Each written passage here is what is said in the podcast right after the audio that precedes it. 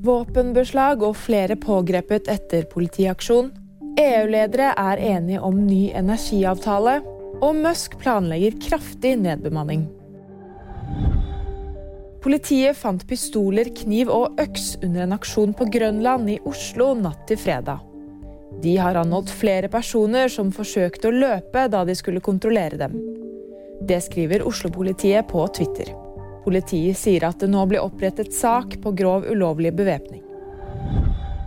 EU-lederne er blitt enige om en ny energiavtale. Den nye avtalen innebærer felles gassinnkjøp og deling av gass mellom medlemsland dersom det oppstår gassmangel i EU. Det ble imidlertid ikke enighet om noe pristak på gass. Nær 75% av arbeidsstyrken i selskapet Twitter kan miste jobben under Elon Musk. Det skriver Washington Post ifølge AP. Musk har lagt frem planene for investorene om å kutte nær tre fjerdedeler av de 7500 ansatte når han blir eier av selskapet.